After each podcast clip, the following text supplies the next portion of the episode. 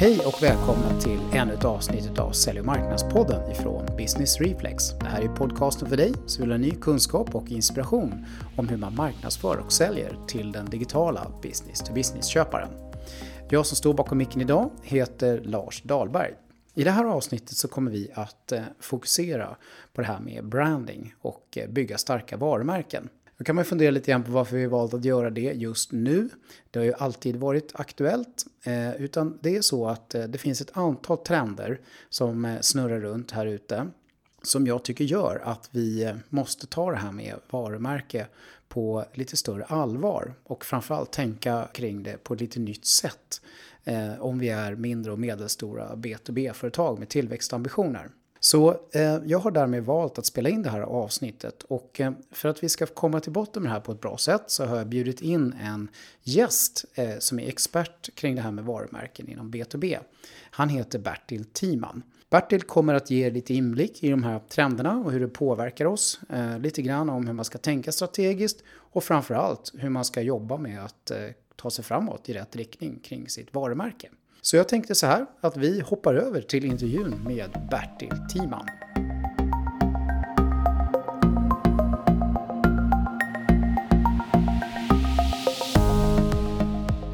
Med oss i studion idag så har vi Bertil Timan. Välkommen till Sälj och marknadspodden Bertil. Ja men tack, jättetrevligt att vara här i er fantastiska podd. Eh, jag blir väl program 154. Ni har verkligen varit flitiga och spela in poddar. Kul att vara här. Ja, visst har vi fint i vår studio i Gamla stan. verkligen fint. Ja. Trevligt. Du, eh, vi har bjudit med dig av en väldigt tydlig anledning. Det är för att du har jobbat väldigt mycket med business to business och det här med branding. Men eh, innan vi går in på det ämnet så känner jag att eh, lyssnarna kanske skulle få ett litet sådär ansikte till dig. Trots att du inte syns eftersom vi kör radio här. Ja, men jag har ju jobbat med svenska B2B-företag i hela mitt yrkessamma liv. Och det börjar ju bli ett, en, ett 30 år totalt faktiskt. Och jag har haft förmånen att jobba med, med de största. Både inom skogsindustri och stålindustri och verkstadsindustrin. På en global marknad. Men också väldigt många mindre B2B-företag och startups. Och också företag med olika Alltså företagets alla utmaningar inom HR, IR, marknad och sälj. Och det är väl kanske det som är min största tillgång idag. Mm. Den erfarenhetsbasen. Mm. Vi har ju lärt känna varandra ute i den här verkliga eh, vardagen. Eh, vi har sprungit på varandra hos ett antal gemensamma kunder. Och jag måste säga det att eh, det här med B2B är ju ändå lite speciellt. Det har varit jättespännande att få lära känna dig eftersom du har så mycket specialistkunskap och erfarenhet och fokus just på det kopplat till det här med varumärke. Så att det känns verkligen som att vi har prickat rätt här nu inför det här avsnittet. Ja, men det är, är verkligen kul och vi gör ju ett antal projekt tillsammans också. Där har vi upptäckt kraften mm. i ett väldefinierat varumärke för att driva mm. leadsgenerering och konvertering. Mm. Och hur viktigt det är liksom att ha det med sig i grunden. Absolut. Men du Bertil, det, det, du har en väldigt intressant bakgrund i det här. Eh, men hur ser B2B-företag på det här med varumärke idag? Eh, du är ju ute mycket och träffar B2B-företag och jobbar med de här frågorna. Men det finns ju väldigt många företag som man möter som jobbar strategiskt med sitt varumärke som ett sätt att genomföra sin affärsstrategi och attrahera kunder och bli relevant på marknaden. Men väldigt många har inte förstått värdet i, i potentialen i sitt varumärke. Nej, för det är ju så att eh, det finns ju ett extremt stort långsiktigt värde i det här om man gör det rätt och konsekvent, eller hur? Absolut. Ja, men jag tycker också det. det. det. är min uppfattning med. Eh, och det finns ju de som kanske har försökt ge sig på det lite. Men eh, de kanske inte har eh, gjort det så strukturerat. Eh, eller så har man gjort det lite som ett eh, projekt. Som sen har runnit ut lite grann i sanden. Och, och det har hänt saker i bolagets omvärld som har påverkat det hela som gör Absolut. att det inte längre är relevant eh, eh, kopplat till det initiala arbete man kanske gjorde i några workshops och, och sådär. Nej, men och företagens verklighet är ju, den är ju starkt föränderlig. Man kanske köper upp en konkurrent. Man utvecklar nya produkter. Hela digitaliseringen driver fram nya tjänster och produkter också. Man kanske måste omvärdera vad det egentligen är man säljer. Mm. Och det här sker i en ganska hög takt och att då stanna upp som en ledningsgrupp och säga, men hur, hur är vårt varumärke, hur ska det vara formulerat, hur driver vi brand preference? eh, och brand perception. Det är, det är svåra frågor. Oftast är det HR som tar tag i de här frågorna. Man ser ett behov av att börja attrahera. Det att, att hitta rätt talanger är inte lätt idag. Och då börjar man formulera ett employer brand. Vi behöver ha de här värderingarna. Vi jobbar mot det här målet. Men att alla jobbar tillsammans är ganska sällsynt i mindre företag. Mm. Nej, och, och, och du, både du och jag jobbar ju en hel del med startups. Och där, där är det ju sällan som det hamnar på agendan tidigt i ett bolags utveckling. Mm. Eh, man har en logga och ja, man ska se ut på något sätt. Eh, Och sen springer man. men sen kör man. Ja. Och det är väl rätt naturligt också på många vis eh, när Ja, det- man är en startup. Att man tänker så, så det är liksom inget konstigt med det. Ja, men, det är väldigt intressant. Jag jobbar just med ett företag som ja, men de har en, en, en världsunik idé Mm. och ett fantastiskt varumärke som kan revolutionera flera industrier än teknologi. Mm. Och bara man frågar, har ni, skapat, har ni ett varumärkesskydd på era marknader för er varumärke? Va?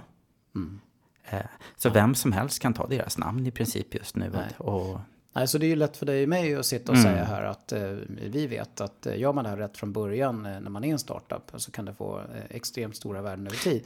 Men, men eh, det är inte så lätt när man är en startup där att få Nej. till det där. man effektiviserar en mängd arbetsströmmar som, som sälj, marknad, HR och IR. Men också innovation. Mm. Ja, precis. Mm. Ja, nej, så jag tror sammanfattningen av den här diskussionen, eller den här spaningen som Mm. du och jag gör kring det här, det är ju det att det finns ju otroligt mycket potential för mindre medelstora B2B och, och startups att eh, titta på den här frågan och jobba med den här frågan på ett eh, mer strukturerat och eh, långsiktigt sätt helt enkelt. Absolut.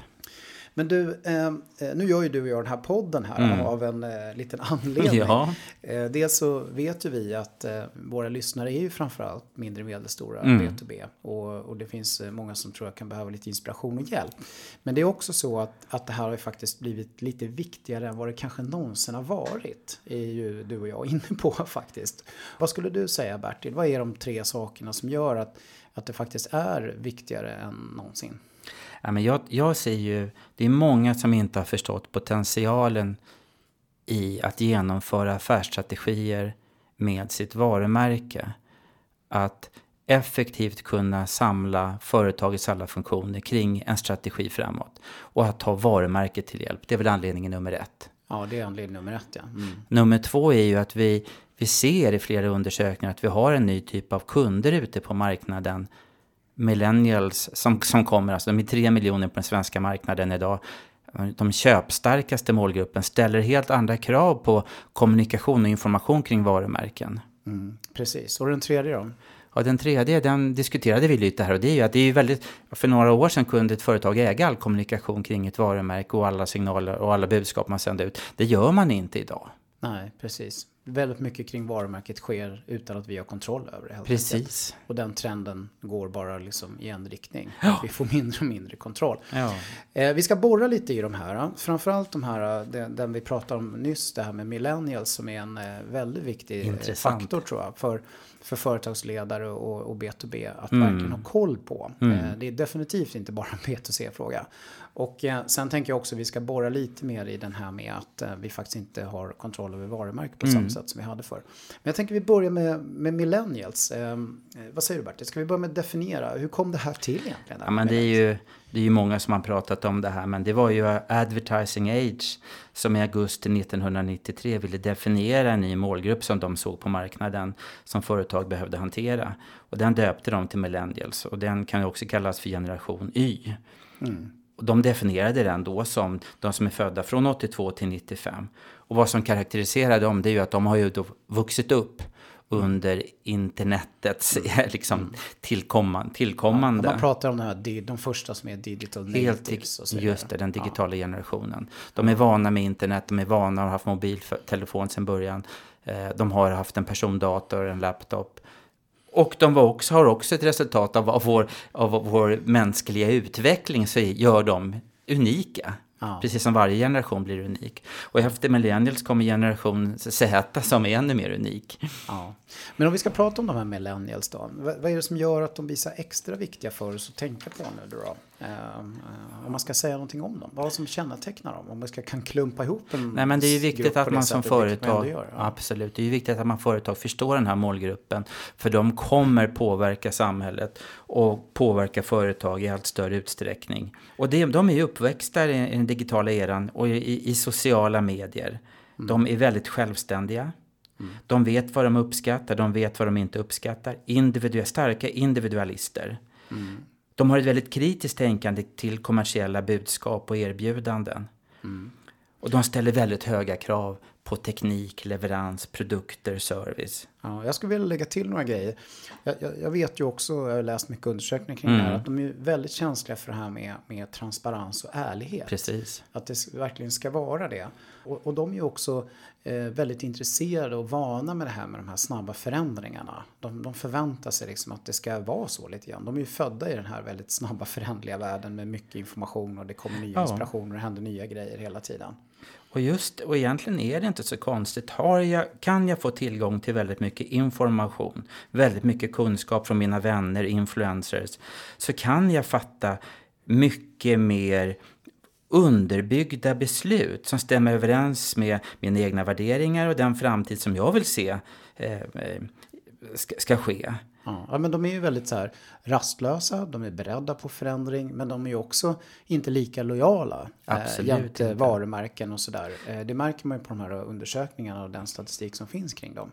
Att de är mycket mer flyktiga, så att säga. Men samtidigt så är de ju också väldigt lojala mot de företag eller produkter och tjänster som de vet levererar det värde som de tycker om, då kan de nästan bli superfans och bli ambassadörer för dem. Mm. För, för det, finns mycket man kan säga om de här mm. och, och, helt klart skulle jag kunna ge ett tips till, till lyssnarna att verkligen läsa på mm. de undersökningar som finns eh, kring millennials.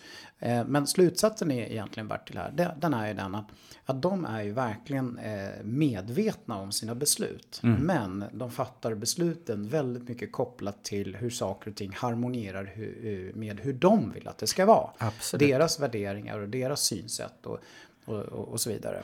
Och då, då det, blir det det här fästet. Och det gör ju att det räcker inte längre med att bara erbjuda någonting eller leverera ett värde. Utan man behöver förklara varför gör jag det här? Och på vilket sätt gör jag det? Så att det räcker inte att leverera en produkt och tjänst, att prata om pris och kvalitet. Utan man måste, man måste börja prata om sitt purpose, sitt why, sin ambition, sin vilja. Man måste börja kommunicera vad man vill åstadkomma. Ja. Mer än bara produkten och tjänsten. Nej. Och det intressanta också, det är ju den att det här är ju, om du jämför då det här med den tidigare generationen som jag tillhör, mm. generation X, så är det ju väldigt stor skillnad. Om man jämför millennials, generation Y med generation X. Absolut. För där var det mycket mer hårda fakta och saker och ting som gällde när man utvärderade och fattade beslut. Och man var kanske också lite mer eh, ja, mer trogen. Man trodde mer också på källor från företagen och från en kommunikation mm.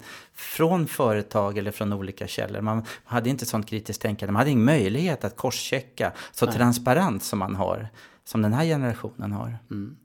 Men du, eh, eh, den andra punkten som jag gärna vill ta upp då. Mm, eh, intressant. Det, det, är ju det här med att vi inte har kontroll över varumärket mm. Eh, på samma sätt som vi hade. Och det, det, har kommit en bok här nu helt nyligen som heter Marketing Rebellion. The Most Human Wins. Som är skriven av Mark Schaefer. Och den här boken i sin tur bygger på massa egen research och mm. diverse olika kända undersökningar, bland annat från McKinsey, som eh, pekar väldigt tydligt på det här. Och det den här uh, McKinsey-undersökningarna och den här boken bland annat handlar om är ju att två av tre, så att säga, eh, marketing touchpoints, alltså när man interagerar på något sätt mm. kopplat till ett varumärke, sker utanför vår kontroll. Den sker ja. liksom mellan köparna, inte ja. mellan oss och köparna. Och, och, det är ju naturligtvis, när man börjar tänka på det så inser man liksom bara wow, Eh, det, det är väldigt stor skillnad helt mm. plötsligt här. Mm. Eh, jämfört med vad det kanske var förr. Mm. När en väldigt stor del av interaktionen mellan köparen och eh, företaget skedde liksom på företagets villkor. Absolut. När företaget liksom styrde det och var avsändaren. Och det blir, får ju väldigt mycket konsekvenser här. Mm. Jag tänkte utifrån mitt perspektiv Bertil, så en viktig konsekvens är ju att vi har ju så otroligt mycket touchpoints mm. genom liksom en hel kundlivscykel mm. nu mm. jämfört med vad vi hade förr. Mm. Eh, och väldigt många av de här touchpointsen är ju digitala. Mm. Och de blir bara fler och fler, visar de här undersökningarna också. Och då om två tredjedelar av dem inte styrs av oss, Mm. hur ska vi då kunna så att säga styra liksom, upplevelsen av vårt varumärke? Blir ju en intressant möjlighet men också en utmaning om vi inte gör det. Absolut, och det enda, det enda vi kan göra som, som företag det är ju att tydligt definiera vad vi vill att vårt varumärke ska präglas eller stå för. Det är egentligen det enda vi kan göra och kommunicera det så transparent och tydligt som möjligt. Och hoppas på, eller göra det på ett sådant sätt så att vår målgrupp eller marknaden eller våra kunder förstår värdet av det och, och spinner vidare på det vi vill. Mm, exakt. Och, och, och de här, eftersom de här touchpointsen kontrolleras så mycket av köparna så är det också viktigt att tänka på att de sker ju långt innan man har blivit våran kund. Mm. Eh, kan ju vara i B2B-sammanhang väldigt långt innan. För det kan vara långa processer från man har en första touchpoint tills att man köper. Och sen när man har köpt, då är man ju ofta kund ganska långsiktigt. Och det blir många touchpoints efter man har blivit kund. Absolut. Där, där, eh, på många olika sätt så att säga. Så att eh, eh, man måste verkligen tänka på de här touchpointsen över en hel liksom, kundlivscykel också. Och se Absolut. till att varumärket eh, är med där hela vägen. Trots att det inte är vi som är avsändarna. Och det är väldigt många företag som har problem med det här. De får inte ihop sin kommunikation i alla kanaler i alla faser. Utan man, man fumlar, man, det ligger på olika avdelningar, delegerat ansvar. Och man, man har framförallt inte tagit ett varumärkesperspektiv på all sin kommunikation och tydliggjort de här budskapen. Man har inget styrdokument. Nej. Men du, eh, eh, hur tänker vi då kring det här med, med eh, varumärke 2019? Nu sitter vi i den här studion i Gamla stan. Vad, eh, vad, vad Ja, men jag tror säga? att vi först så måste vi börja, först så måste vi definiera vad är ett varumärke? Och det här har det ju skrivits många böcker om. Men varumärket hjälper ju kunder eller konsumenter att fatta beslut. Det handlar väldigt mycket om att skapa trust och tillit. Jag förenklar ett beslut. Jag väljer ett varumärke som jag litar på, som jag känner till, som jag tycker om. Så ehm, och den kanske den bästa beskrivningen jag har hört på ett varumärke det är ett varumärke, det är förväntningar på framtida leverans. Alltså när jag väljer ett varumärke så väljer jag jag har en förväntan på vad jag ska få i framtiden baserad på saker jag hört eller känt eller egna upplevelser. Så att det är ett viktigt, det är ett, ett viktigt verktyg för kunder att fatta beslut. Du eh, Bertil, men, men nu har vi definierat vad varumärke är. Så Mm. alla känner att de förstår det på en hög nivå. Vi kommer ju komma vidare i det här naturligtvis. Men, men eh, utifrån ett, eh, ett, ett företagsperspektiv och, hur, och ja, kopplat till liksom, utvecklingen av ett bolag. Hur placerar du in det här med varumärke där? Nej, men det här är, det är ju affärsstrategi. Vad, vad- har du som företag för möjligheter att driva din lönsamhet? Jo, du kan ju, det är ju tre saker. Du kan ju skära dina kostnader. Du kan köpa din tillväxt genom att köpa upp konkurrenter och andra typer av, eller andra företag. Eller du kan öka efterfrågan av dina produkter och tjänster. Och varumärket i det perspektivet är det viktigaste verktyget för att driva efterfrågan. Med marknadens uppfattning om ditt varumärke och viljan av att vilja ha med det varumärket att göra. Att vilja välja eller köpa det. Mm, precis. Men du, hur skapar man då ett sånt här eh, fantastiskt eh, varumärke då?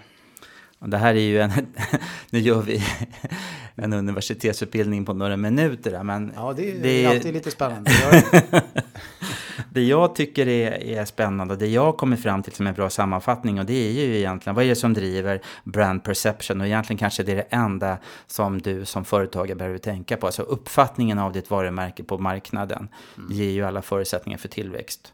Eh, och Philip Kotler han definierade ju en gång i tiden 4P, alltså produkt, pris, plats och påverkan. Ja, de kan vi. De kan de flesta. Och de här har ju över åren vuxit och det finns ju flera som har lagt till dem. Jag har stannat vid idag 7P.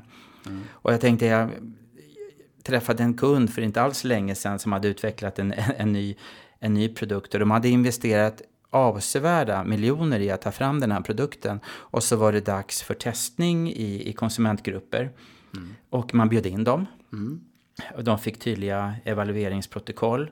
Och så körde man den här produkten. Och ehm, testerna kom inte så väl ut som man hade hoppats. Nej, besvikelse där. Det var stor besvikelse. Sen tog man samma produkt, man satte upp eh, den värsta konkurrentens eller marknadsledarens logotyp på produkten, bjöd in alla igen. och körde en, en noggrann test. Och nu var det världens bästa produkt. Och där ser man ju kraften i varumärket och perceptionen i varumärket övertrumfar väldigt mycket. Ja. Och, därf och därför är det ju väldigt viktigt att, att ta sitt varumärkesbyggande på allvar. Och då, jag sammanfattar det här och, och, i 7P. Och det här är ju ett kontinuerligt utvecklingsarbete. Man kan jobba med downstreams genom att tydliggöra det med kommunikation, men man kan också genomföra upstreams med, med verkliga förändringar. Och den första av de här P är ju, alltså, nu blir det engelska, men det är brand preference, det, de grundläggande definitionerna av varumärket, den kultur och värdering som varumärket speglas av och den identitet som varumärket har. Det är bra att du förklarar de här, för jag vet att de kan vara lite flummiga för många. Jag har ju kli- klippt ett P. Det är ett P precis. Den andra är ju då product, eller product och service. Definitionen av produkten, den kan ju då tydliggöras. Men den kan också utvecklas, innoveras. Ehm, så det är själva produkten. Sen så lägger vi på proposal, alltså erbjudandet. Hur förpackar jag min produkt och tjänst i ett starkt erbjudande? Det är ju inte alltid bara produkten rakt av. Det kan vara med servicevillkor, det kan vara med eh, försäkringsvillkor, det kan vara en, en, en, en leverans över tid. Alltså hur jag gör, formulerar mitt erbjudande påverkar varumärkesupplevelsen. Och här finns det ju stora möjligheter att innovera eh, en marknad. Och den, den fjärde är ju pris. Det finns ju mängder med olika typer av prismodeller. Och vad, vad man märker idag hos kunder är ju att man tittar väldigt mycket på ska jag betala för en funktion istället för att köpa en vara. Ja. Ehm, och det, det känner vi ju själva igen som, som konsumenter. Ja.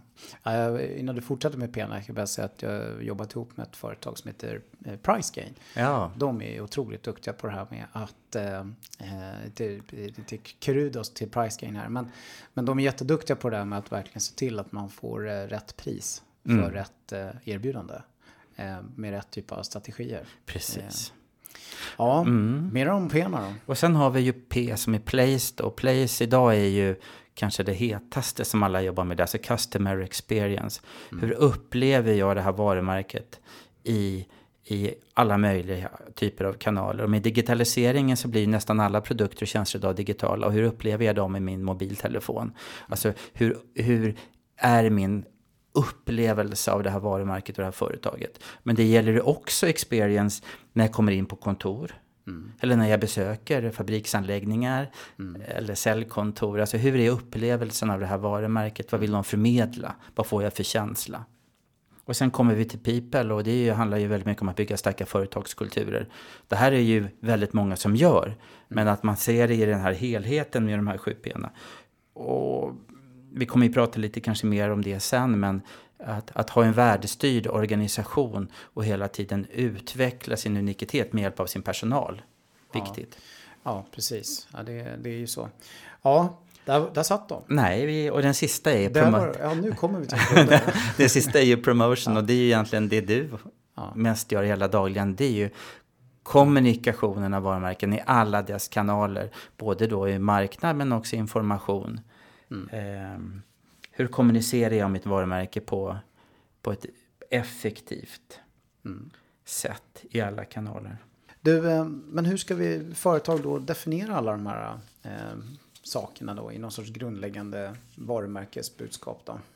Ja, det är ju, jag tror att börjar man titta på sitt varumärke så ska man ju börja med, med brand preference. Den grundläggande byggstenen för varumärket. Och i den ingår ju då, det är ju en varu, brand strategy. Man ska titta på sin position. Man ska fundera på sitt why och sitt purpose som vi pratade om millennials letar och längtar efter företag som har ett tydligt why. Man måste formulera en vision, en mission, man måste tydliggöra sitt erbjudande, sitt value proposition till marknaden, att det är relevant. Man måste ha koll på sina värderingar. Man måste få ihop det här i en brand messaging plattform. Man behöver titta på sitt, sitt, sin brand design eller brand design DNA. Idag är det ju Idag när vi har så otroligt många touchpoints så måste man ha ett fåtal tydliga designelement som man förknippar med det här företaget. Det måste vara väldigt enkelt eftersom det är så många som kommunicerar varumärket. Och sen måste man ju också titta på om man har flera varumärken, en portföljstrategi och kanske en namnstrategi och skydda sitt varumärke. Men det är, det är det som ligger i grunden i brand preference. Det här måste man få, få på plats först. Mm. Bra. Du, eh, eh, de här begreppen som vi går igenom här nu, de kanske tarvar lite förklaring de också. Hinner vi med det i den här doktorsavhandlingen på 25 minuter? Jag vet inte vad vi, hur mycket tid har vi kvar ja, här. Nej, men du får ju välja lite här. Du, du är ju gäst i Sälj marknadspodden. Jag, jag, tror att många kan vara lite nyfikna på dem. Om du skulle beskriva dem lite närmare. För de är inte ja, vi, vi, vi tar dem ungefär som, som mm. jag brukar jobba mm. med företag när man börjar titta på sitt varumärke och vill mm. få, få de här strategiska styrdokumenten på plats. Det, är ju, det första är ju positioneringen och den är ju spännande. Vilken position vill vi ta på marknaden? Och företag har ju oftast tankar och befinner sig någonstans och säger att ja, men vi är ett tjänsteföretag eller vi är ett rekryteringsföretag eller vi är, jobbar med teknik inom ventilation. Mm. Men man har inte riktigt sett möjligheten i att hitta att ompositionera sig. Oftast har man kanske också utvecklat produkter och tjänster som har gjort att man, man har hamnat i ett annat sammanhang. Och här finns det stora möjligheter att bli unik, att bli, differentiera sig från de andra. Och det är, egentligen så kan man ju Ofta så tycker jag det är spännande att skapa den här positionen utifrån, att, att basera den på sitt syfte och sitt purpose. Vi kommer ju gå igenom det lite grann. Mm. Uh, vad vill, varför existerar vi? Vad vill vi åstadkomma? Att ha ett tydligt och relevant problem som vi löser. Jag tycker många nya av de här företagen som dyker upp är extremt förenklade i sin, i sin eh, problemlösning. Men de blir också väldigt intressanta för man förstår direkt vad de gör. Mm, och sen också att man hittar en position som speglar en fram... Eh, man är relevant för framtiden. Ja. Eh, man... Eh, det finns ett mod i att välja en position som kommer att växa. Som man känner kommer bli mer och mer relevant. Man kanske inte är riktigt där ännu. Men man har en ambition av att bli marknadsledande inom den här positionen. Mm. Mm. Intressanta ja. frågor. Verkligen. Mm. Du, eh, om man då tänker sig så här. Att om man är ett företag här och känner att eh, mm, vi förstår här. Och vi mm. behöver ta tag i det här med, med varumärkesfrågan vi ligger eh, efter här eller vi, vi bör nog jobba mycket mer med den här för att det finns så många uppenbara fördelar. Dels på grund av de här trenderna som vi har pratat mm. om. Men även det faktum att man faktiskt generellt sett ligger efter rätt mycket i B2B. Eh, och det är dags att göra lite shape-up mm. det. Eh, hur går man tillväga då? Är det, en, det låter som en ganska potentiellt sett krånglig process det här.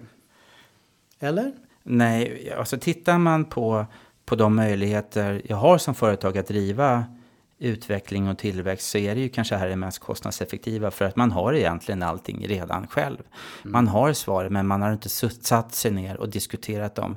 Man har inte gjort eh, den research som man behöver. Man har inte samlat sig tillsammans för att diskutera de här frågorna.